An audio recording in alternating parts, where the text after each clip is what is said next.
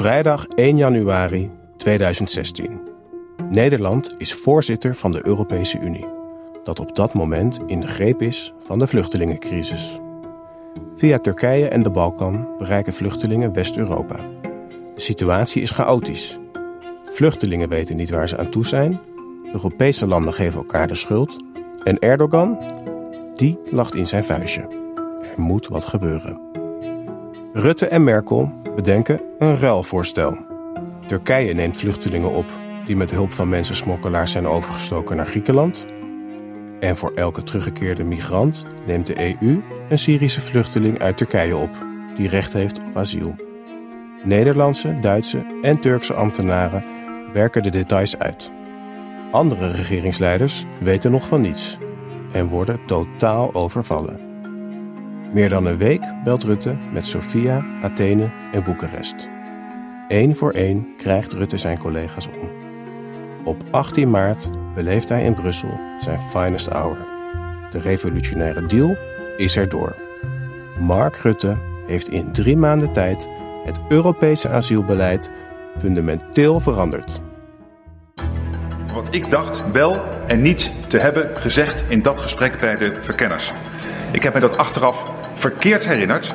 Ik betreur dat ten zeerste. Pragmaticus, control freak, taalacrobaat, Mr. Teflon. Waarom zit juist de persoon Mark Rutte al 13 jaar in het torentje? En wat zegt het over Nederland dat wij hem als langstzittende premier hebben? In deze podcast ga ik, Simon Dikker-Hupkes, op zoek naar de drijfveren achter de handelingen van Mark Rutte. Waarom blijft er niets aan hem kleven? Wat zit er achter zijn eeuwige glimlach? En waarom lijkt hij onmisbaar in Den Haag? Welkom bij Wie is Rutte? In deze aflevering onderzoeken we de machtspositie van Rutte en daarmee die van Nederland in de Europese Unie. Hij ging van nieuwkomer naar langzittende van alle 27 regeringsleiders. Hoe is de houding van Nederland naar Brussel? En andersom. En wat probeert Rutte daar te halen? Hiervoor praten we met journalist en EU-expert Caroline de Gruiter. Ze schrijft voor NRC Handelsblad en haar meest recente boek is Beter wordt het niet. Een reis door het Habsburgse Rijk en de Europese Unie. Welkom, Caroline. Dankjewel. Even naar die vluchtelingencrisis, de Turkije-deal zoals die is gaan heten. Mm. Wat was het precies het probleem van die crisis vanuit het perspectief van de Europese Unie? Het probleem was dat wij natuurlijk eigenlijk onze buitengrenzen amper ehm, bewaakten.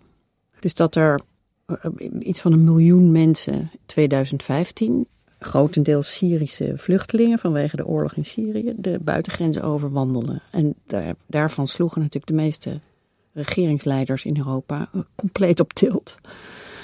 Uh, dat was het probleem. Dus ze wilden dat stoppen. In Berlijn uh, ontstond het plan om dan, uh, als wij niet zo snel mensen kunnen stoppen of mogen stoppen, ook vanwege allerlei internationale verdragen die we zelf hebben opgesteld ja. en getekend.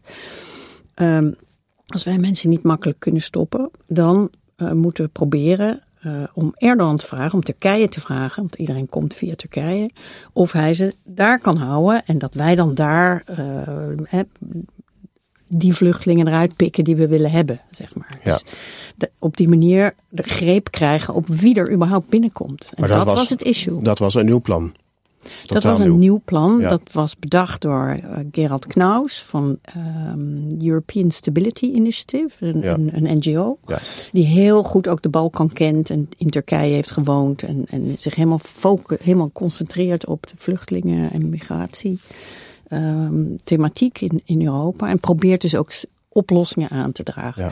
En hij is erin geslaagd om in Berlijn de, de beleidsmakers ervan te overtuigen dat dit eigenlijk een hele goede oplossing zou zijn. Ook voor Erdogan, want daar zou, hè, wij zouden dan toch ook mensen weer terugnemen. Ja. En zodat, hij, hij niet met, in, zodat hij niet met iedereen zou blijven zitten. Want daar had hij natuurlijk ook. Er zitten echt miljoen, miljoenen vluchtelingen en migranten in Turkije te wachten tot ze naar Europa gaan. Dus alleen maar zeggen nee, nee, nee. Dat, daar zou Erdogan natuurlijk geen, geen, geen oren naar hebben. Als we zouden zeggen. Stop die stroom, hè, stop al die bootjes, want hij liet dat gewoon lopen. Um, zorgt dat dat onmogelijk wo- wordt. Houdt het tegen aan de Turkse kust. En dan beloven wij A, een grote zak geld om die eh, vluchtelingen onderwijs te geven, zorg, eh, huisvesting, et cetera. Miljarden echt. Ehm, en daarbij beloven we hem ook dat alle landen in de Europese Unie naar RATO eh, vluchtelingen uit die opvangkampen in Turkije halen. Zou gaan opnemen. Ja, en Ja. daar komt Mark Rutte eh, om de hoek kijken. Precies. Want hij was op dat moment, of Nederland was op dat moment voorzitter van de Europese Unie. Ja. Merkel had dus dit plan gehoord en, en gedacht, dit is de oplossing. Ja. En hoe moet ik me dat voorstellen? Zij belt Rutte en, ja. en zegt, jij moet, ga dit regelen, Mark. Omdat, kijk, als, als Nederland niet het voorzitterschap had gehad, dan eh, had iemand anders het moeten doen. Ja. Hè? Want eh, op, op zo'n moment moet je dan eh, proberen, of het zijn opdracht was, als EU-voorzitter, met dat plan de boer Ja. op en zorgen dat eh, er zoveel mogelijk landen daarachter zouden staan. En iedereen heeft natuurlijk wel iets te zaniken of iets eh, toe te voegen. En dat moest hij dan ook allemaal meenemen. En dus hij shuttelde min of Ja. meer heen en weer tussen Berlijn, Brussel, Den Haag en een heleboel Europese hoofdsteden. Ja. En, dat, en, En het is hem gelukt. en dat is hem gelukt. Ja, wordt gezien als een knap staaltje. Of begrijp ik dat verkeerd? Ja, het- dat, is, dat soort dingen zijn heel complex natuurlijk. Ja. En tegelijkertijd kan het ook alleen maar in een noodsituatie. Ja. ja maar er is wel, eh, waar we natuurlijk in Nederland, in de Nederlandse context, Rutte heel erg kennen van hij vindt altijd wel een oplossing. Ja. Was het voor zover ik het me kan herinneren, dit de eerste keer dat dat ook op een internationaal podium een beetje eruit kwam. Op een Europees podium. Op een Europees podium. Ja. Ja. Ja, ik denk dat Mark Rutte, maar dat, het komt. eh, het, is, het, is een, het, is, het was zijn ding niet zo Ja. daarvoor. Het is nog zijn ding niet zo, Nee. hè? maar goed, wat meer sindsdien. Maar hij zat natuurlijk ook een tijd, in zijn eerste regering zat hij ook opgesloten met toch betrekkelijk radicaal eh, rechts. Ja, Rutte hè? 1 met de In de gedoogconstructie. regering, of- maar ook vooral buiten de regering. Waarbij met name op het Europabeleid en migratiebeleid Geert Wilders natuurlijk eh, van buiten het kabinet Ja, ja, de, bepaalde waar de rode lijnen lagen. Dus hij kon ook helemaal niks in Brussel. nee. En dus zo kenden veel mensen in Brussel hem wel. Van hij is, hij is joviaal en je eh, cut the crap, eh, mouwen opstropen. Een beetje zoals Macron ook, met Ja. wie hij het ook goed kan vinden. Ook al zijn ze het over heel veel dingen niet eens, maar daar kan hij het wel goed mee vinden.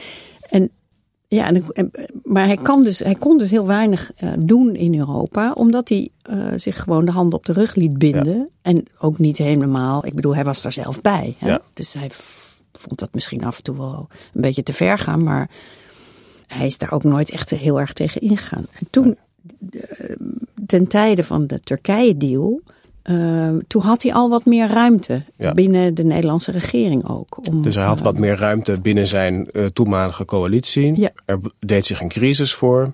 Eh, hij was toevallig de voorzitter. Ja. Als iemand anders het was geweest, had hij het moeten doen. Maar goed, Nederland was de voorzitter en Mark Rutte Mhm. eh, was de premier.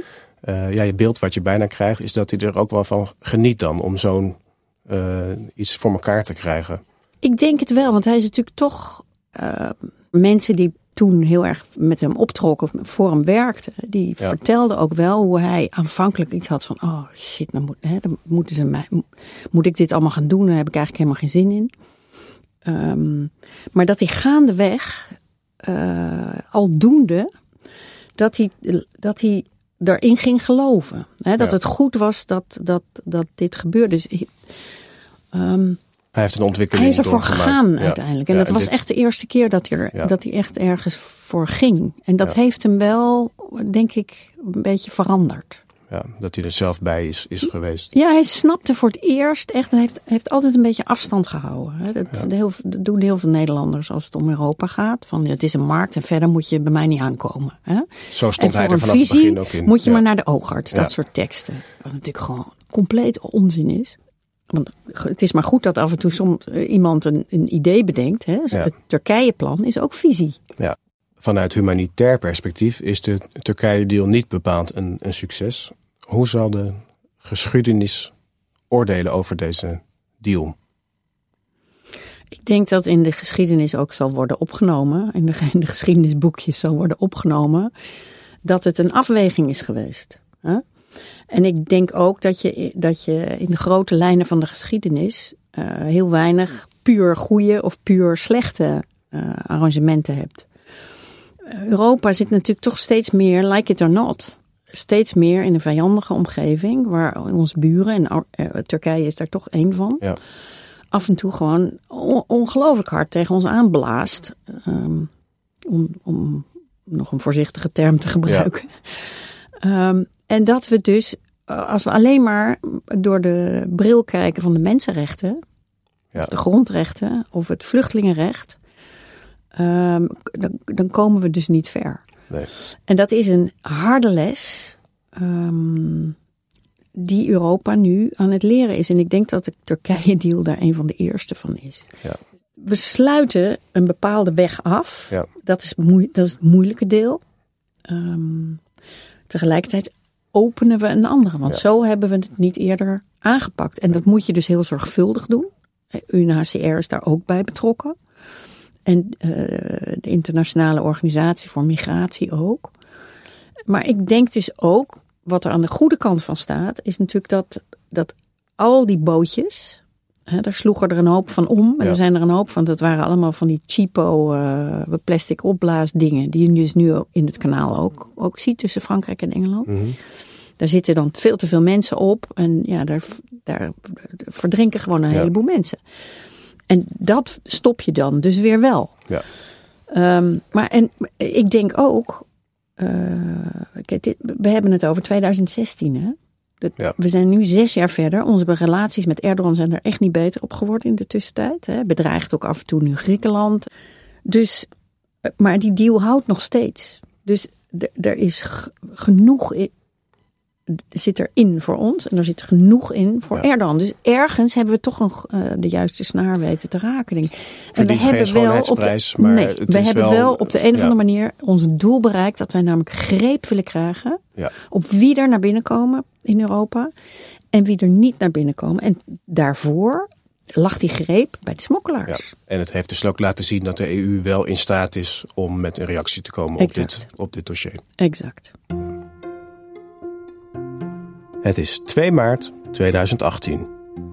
Terwijl Theresa May in Londen een toespraak houdt hoe Groot-Brittannië verder moet zonder Europa, verklaart onze premier duizend kilometer verderop in Berlijn zijn liefde aan Europa. Althans, zo lijkt het. Een Nexit zou handelsland Nederland de das omdoen. Rutte beseft dat hij zijn toon over Europa moet veranderen. En hij ziet kansen. Het gat dat Engeland heeft achtergelaten wil hij zoveel mogelijk met Nederland opvullen. Dat de Britten eruit zijn gestapt is verdrietig, zegt Rutte. Maar daardoor zijn de andere EU-landen nog meer gaan beseffen dat zij er zelf niet uit willen. In één jaar tijd houdt Rutte maar liefst drie toespraken waarin hij zijn visie over Europa deelt. Kranten schrijven over een duidelijke kentering in Rutte's denken. Van Europa als zakenpartner naar een waardegemeenschap die niet alleen brood op de plank brengt, maar ons ook veiligheid en stabiliteit verzekert. Carolien, hoe zie jij die draai van Rutte ten aanzien van de, van de Europese Unie? Is dat alleen maar toon of is hij echt tot een ander inzicht gekomen? En welke rol Hmm. speelt die Brexit in dit alles? We hebben altijd naar Londen zitten kijken.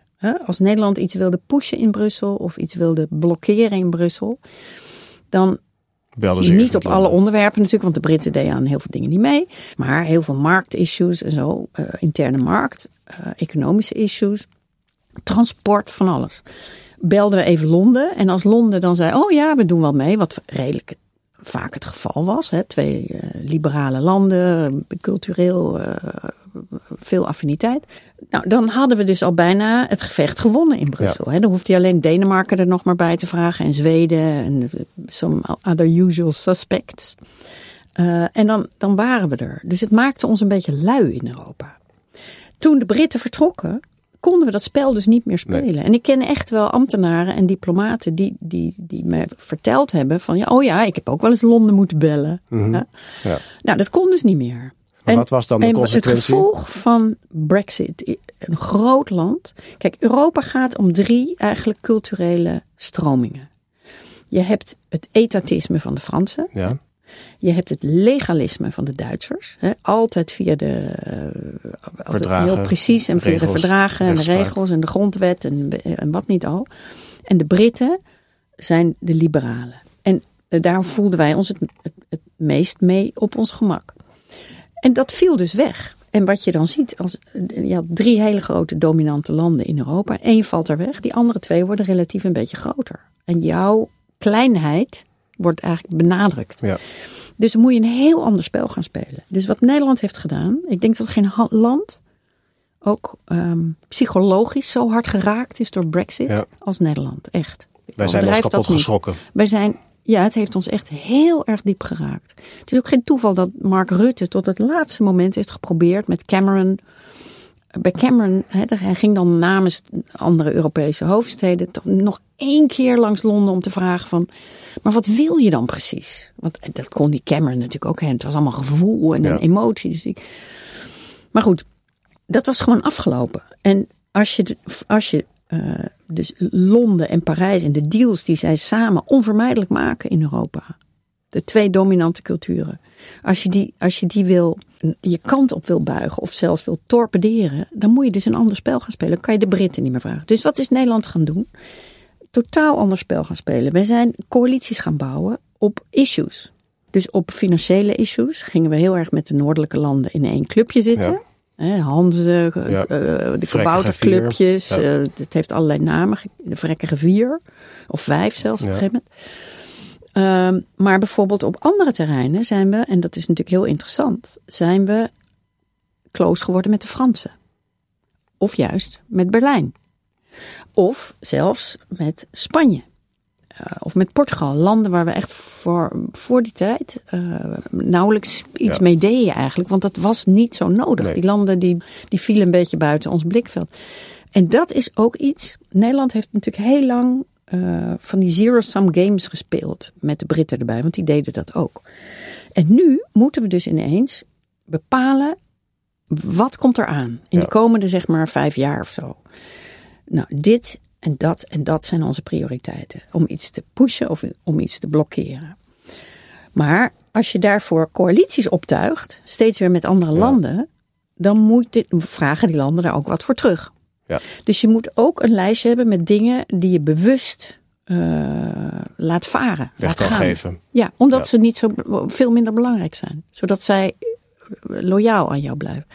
En dat spel, en het heeft geen land in Europa uh, zo uh, sterk gespeeld als, Nederland. Omdat. Nederland het hardst Ja. geraakt is ook. Ja. Ze moesten wel. Het hele oude politieke verhaal van hoe wij omgingen met, met Europese zaken viel gewoon in scherven. Er moest iets Uh, nieuws bedacht We worden. moesten echt Ja. iets, iets nieuws bedenken.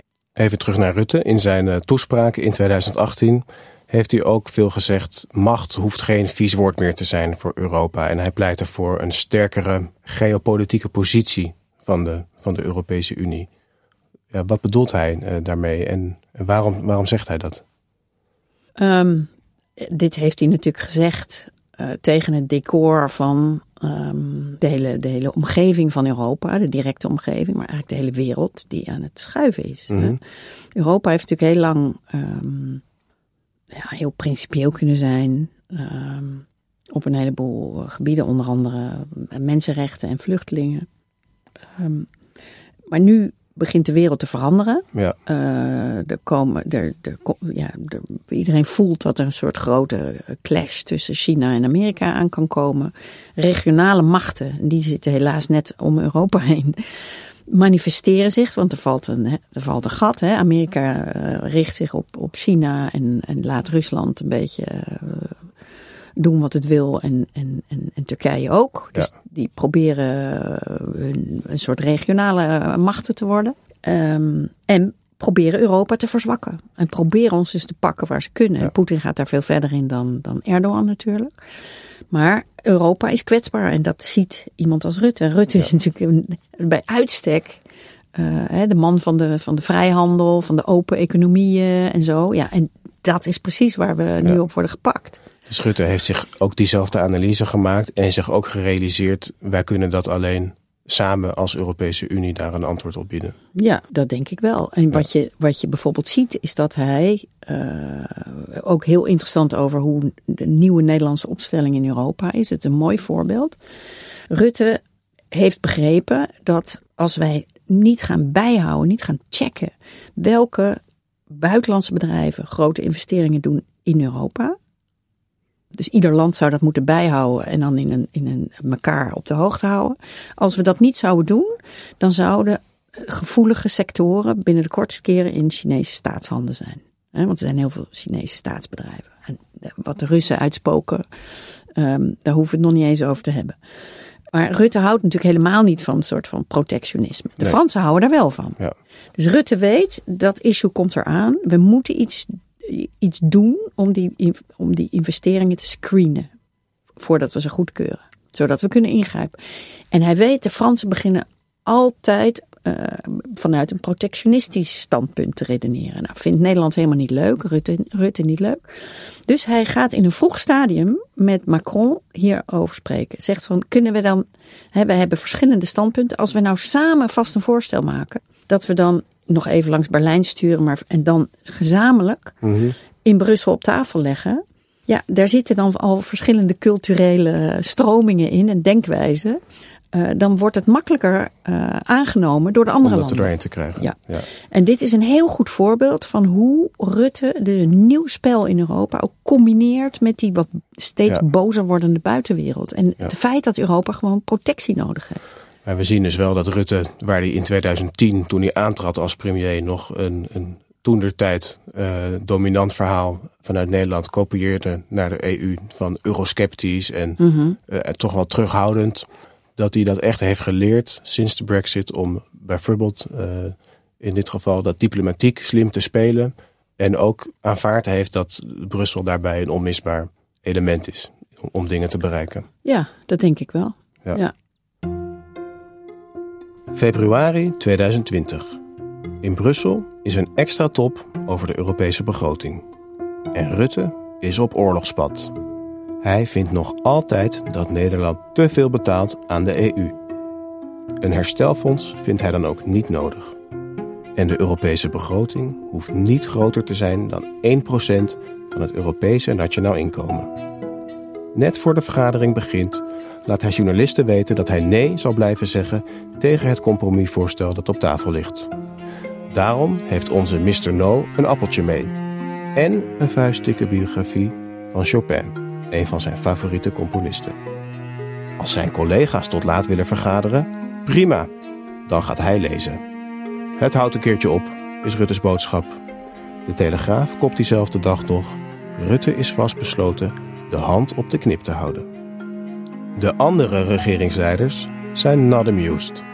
Angela Merkel laat weten dat ze het gedrag van Rutte kinderachtig vindt. Uiteindelijk is het Rutte die bakcel haalt. Diep in de nacht stemt hij toch in met de nieuwe begroting. Ja, Caroline, hadden wij net bij de Turkije-deal en de speeches geconstateerd dat Rutte een enorme stap heeft gemaakt in zijn statuur binnen de EU.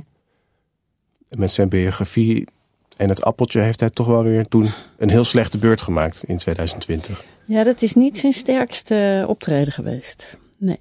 Nee. nee. Hoe heeft hij zich daar zo op, op kunnen verkijken? Uh, dat weet ik niet. Dat heb ik mezelf ook afgevraagd. maar kijk, over de begroting.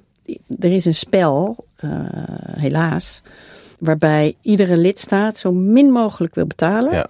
aan Brussel en er zoveel mogelijk uit wil halen. En ja, hij speelt dat spel uh, al jaren. Dat is natuurlijk een van de, van de eeuwige Nederlandse issues altijd. Ja. En dan intussen ook flink tekeer gaan tegen al die ongekozen eurocraten die Ja. er met ons geld vandoor. Of Italië. Hè? Ja, Italië gaat er ook altijd met ons bela- belastinggeld eh, vandoor. En wij zijn een nettobetaler. ja. Nou, Italië is ook een nettobetaler. Hè? Als je dat tegen Nederlanders vertelt, dan vallen ze van hun stoel. Dat weten de ja ik mensen val nu ook van mijn helemaal stoel. niet. Dat wist ik ook niet. Oh, jij wist Nee. dat ook niet? Nee. Nederland, eh, Nederland betaalt meer aan Brussel dan het eruit haalt. Italië ook. Ja, ik dacht altijd Italië, die, Wel, nee. die betalen geen belasting. Die gaan op hun vijftigste al met pensioen. eh, Italië mag Ja. een aantal problemen Ja. hebben. Wij hebben weer andere problemen. ja. Uh, maar Italië is net zo'n netto-betaler als Nederland dat Oké. is. En Duitsland is dat ook. En de Britten waren dat ook. Et, enzovoort en zo verder. Maar Terug Nederland die- heeft natuurlijk heel Ja. lang in Europa... eh, en dat is misschien ook een beetje de oude reflex geweest Ja. van Rutte. he- heel erg lang altijd de zuinige kruidenier gespeeld. En voor heel veel Nederlanders, ik, toen ik naar school ging, leerde ik ook... Europa is een markt. Ja. En that's it. Huh? Maar Europa is natuurlijk veel meer dan een, een markt. De markt is de basis, maar er komen een heleboel politieke dingen ook eh, uit voort. ja. Of zijn er aan toegevoegd. Vrij reizen, eh, al die dingen komen gewoon voort uit, eh, uit de vrije markt. Waarbij, uit de interne markt, waarbij landen, bedrijven uit andere landen, want zo begon het, niet mogen discrimineren. Er mag geen discriminatie plaatsvinden. Maar goed, Europa is natuurlijk zo langzamerhand heel veel meer, veel politieker ook. Eh, heel veel landen willen dat helemaal niet, maar zo gaat het nu eenmaal. Eh, er komen crisissen aan en dan moet je handelen en dan, dan doe je het toch. En Rutte zit daar ook Ja. steeds bij. Maar af en toe valt hij gewoon weer terug op zijn, op zijn oude reflex. En dan zijn we weer de, de zuinige kruidenier. En Ja. je ziet dus ook dat dat eh, op een moment dat de lidstaten heel erg veel vragen van Europa. hè, want constant tijdens de pandemie. Eh, nu weer tijdens de oorlog in, in, In Oekraïne. Oekraïne. Er moeten een heleboel eh, dingen op buitenlands beleid eh, samen worden gedaan. Er worden allemaal vaccinregelingen getroffen. Er, er gebeurt van alles. En ja, wij zetten dus die Europese ambtenaren ongelooflijk aan het werk. En dan, als je dan zo moeilijk blijft doen en ook nog ostentatief met een, met een, met een dik boek op zo'n Europese topkomst van nou ja, laat zij maar Ja. compromissen sluiten, ik doe niet mee. Dan plaats je jezelf eh, Buiten de orde. Buiten de orde. Ja. En dat schoot En dat dus is ook wat echt er in het verkeerde keelgat. Ik wil wel, kijk, Merkel, Merkel heeft dat super gedaan. Merkel heeft, is op de Duitse televisie echt, ik krijg er nog kippenvel als ik eraan denk. Ik wou dat Rutte dat ook had gedaan. Want dan hadden mensen begrepen waar dit om ging. Tijdens de pandemie werd de allerrijkste regio van, van Italië en een van de rijkste regio's van heel Europa, vergeet dat niet, werd platgelegd Ja, door een virus. Was, dat kwam niet omdat de Italianen het verschil tussen de inbox en de uitbox niet weet, weten eh, tussen inkomsten en uitgaven, maar gewoon pech, whatever. Eh, Merkel, dus heel Europa ging op slot. Ja. Eh, Merkel in Duitsland, dat zei ze dus op de televisie, kon Duitse bedrijven een heleboel geld geven. Want ze had, zij had die reserves Ja. in Duitsland om die crisis te overleven, die pandemie. Italië had dat geld niet, had die reserves niet. Dus zouden Duitse bedrijven op de interne markt een voorsprong krijgen op Italiaanse Ja. bedrijven. Daar heb je dus over de basis van wat de Europese Unie is, hè? Ja. het fundament. Want het zou dan een Oneerlijke oneerlijke concurrentie. concurrentie op Ja. één interne markt. En Ja. wordt- kan je nagaan als, als Duitsland al tegen Griekenland zegt van jongens, eh, regel, regelen jullie eh, je belasting is wat beter en dit en dat. Dan wordt, wordt zij al als Hitler afgebeeld, hè, Merkel. Dus je kan niet hebben dat Duitsland dominant is eh, op zo'n. eh, dus zij zei, we gaan dus deze keer niet eh, leningen geven, zoals we met Griekenland hebben gedaan, tegen een flinke rente aanvankelijk. Ja. Nee, wij moeten Italië geld geven om dat verschil weg te werken. Daar hebben Duitsers hebben dus begrepen van oké, geld geven heeft dus te maken met het overleven van de Europese Unie. Ja. In de Bondsta- Bondes- Bundestag, het Duitse parlement, Ja. is over die eurobonds eh, gestemd, die aan de Europese begroting vastzaten. 65% of 67% heeft daar meteen ja tegen gezegd. Ja. Want mensen begrepen waar dit over ging. Mark Rutte pakt een Chopin-biografie en zegt: eh, laat zij maar. eh, Ja. Weet je, dit was zo fout. Tegelijkertijd heeft Rutte wel ervoor gezorgd dat al die giften die Merkel wilde doen, dat die voor een deel zijn omgezet in leningen. Die Ja. krediet, dat krediet moet hij ook krijgen. En dat is op zich niet heel slecht geweest. Want die leningen worden eigenlijk nu niet gebruikt. Nee. En dus dat is eventjes wat hij nog wel dat voor elkaar heeft gebokst. geweest. Dat ja. wel, ja. Ja. Eh, Angela Merkel, eh, die legt dat dus uit voor het Duitse publiek. eh, hoe dat zit. Ik kan me dat inderdaad niet herinneren van Mark Rutte. Dat hij dat op die manier op de Nederlandse tv eh, is komen uitleggen. Ja, wat is daarvan het, het gevolg van die discrepantie? Want hij zal niet de enige nationale leider zijn die er op zo'n soort manier mee omgaat. Er zijn veel nationale leiders die dat op, dit, op, op, op die manier doen. Het probleem met Europa op dit moment, of al heel lang, is eigenlijk dat de politiek is heel nationaal, maar er is steeds meer Europa. En dat komt omdat regeringsleiders dat willen. Als ze het niet willen, dan gaat het ook niet door. De commissie, waar wij altijd zo, we love to hate them, mhm. die mag voorstellen doen, maar als de lidstaten het er niet mee eens zijn, dan gaat het feest niet door. Dus lidstaten, regeringsleiders als Mark Rutte, hebben een ongelofelijke politieke verantwoordelijkheid in Europa. En als zij dan na zo'n top naar huis gaan en zeggen: uh, Ja, dit was een goede deal voor Nederland. Ja. Um, terwijl Angela Merkel naar huis gaat, na afloop van deze top over die eurobonds, het was nogal een besluit. Ze zegt: Dit is een hele belangrijke stap voor Europa. Dan heb je toch een heel ander verhaal. Ja. En dat is verklaart ook waarschijnlijk waarom er in Duitsland bijna geen gemier is geweest over, over, over dit programma. Next Generation Europe heet dat. En in Nederland veel meer. En ik denk dat de regeringsleiders en regeringen, nationale regeringen, hebben ook de taak om uh, uit te leggen wat ze in Europa doen. Maar ze verzaken dat vaak, want ze vinden dat moeilijk. Want ze denken, ach ja, hè, ja. de uh, uh, oppositie in het parlement. Um, die gaat men natuurlijk afmaken, dus ik verzwijg dat maar een beetje. Ik begrijp de, de, de neiging, maar het is natuurlijk funest. Op de lange termijn. Heel veel mensen hebben wel een mening over Europa op die manier, gevormd door dit soort uitspraken. Anti-Italië, anti-Griekenland uh, enzovoort. Uh, en dit is goed en dat is slecht, zonder dat ze überhaupt ook maar een idee krijgen van ja, wat de overwegingen zijn, wat voor een standpunt hun eigen regering heeft ingenomen. Ik heb meegemaakt in, in de jaren dat ik in Brussel. Ik volg nu echt die toppen van een afstand. Maar ik heb jarenlang heb ik zelf met mijn pootjes in de modder gestaan. Dus dan zat ik daar de, de, hele nacht op die, op die toppen ook.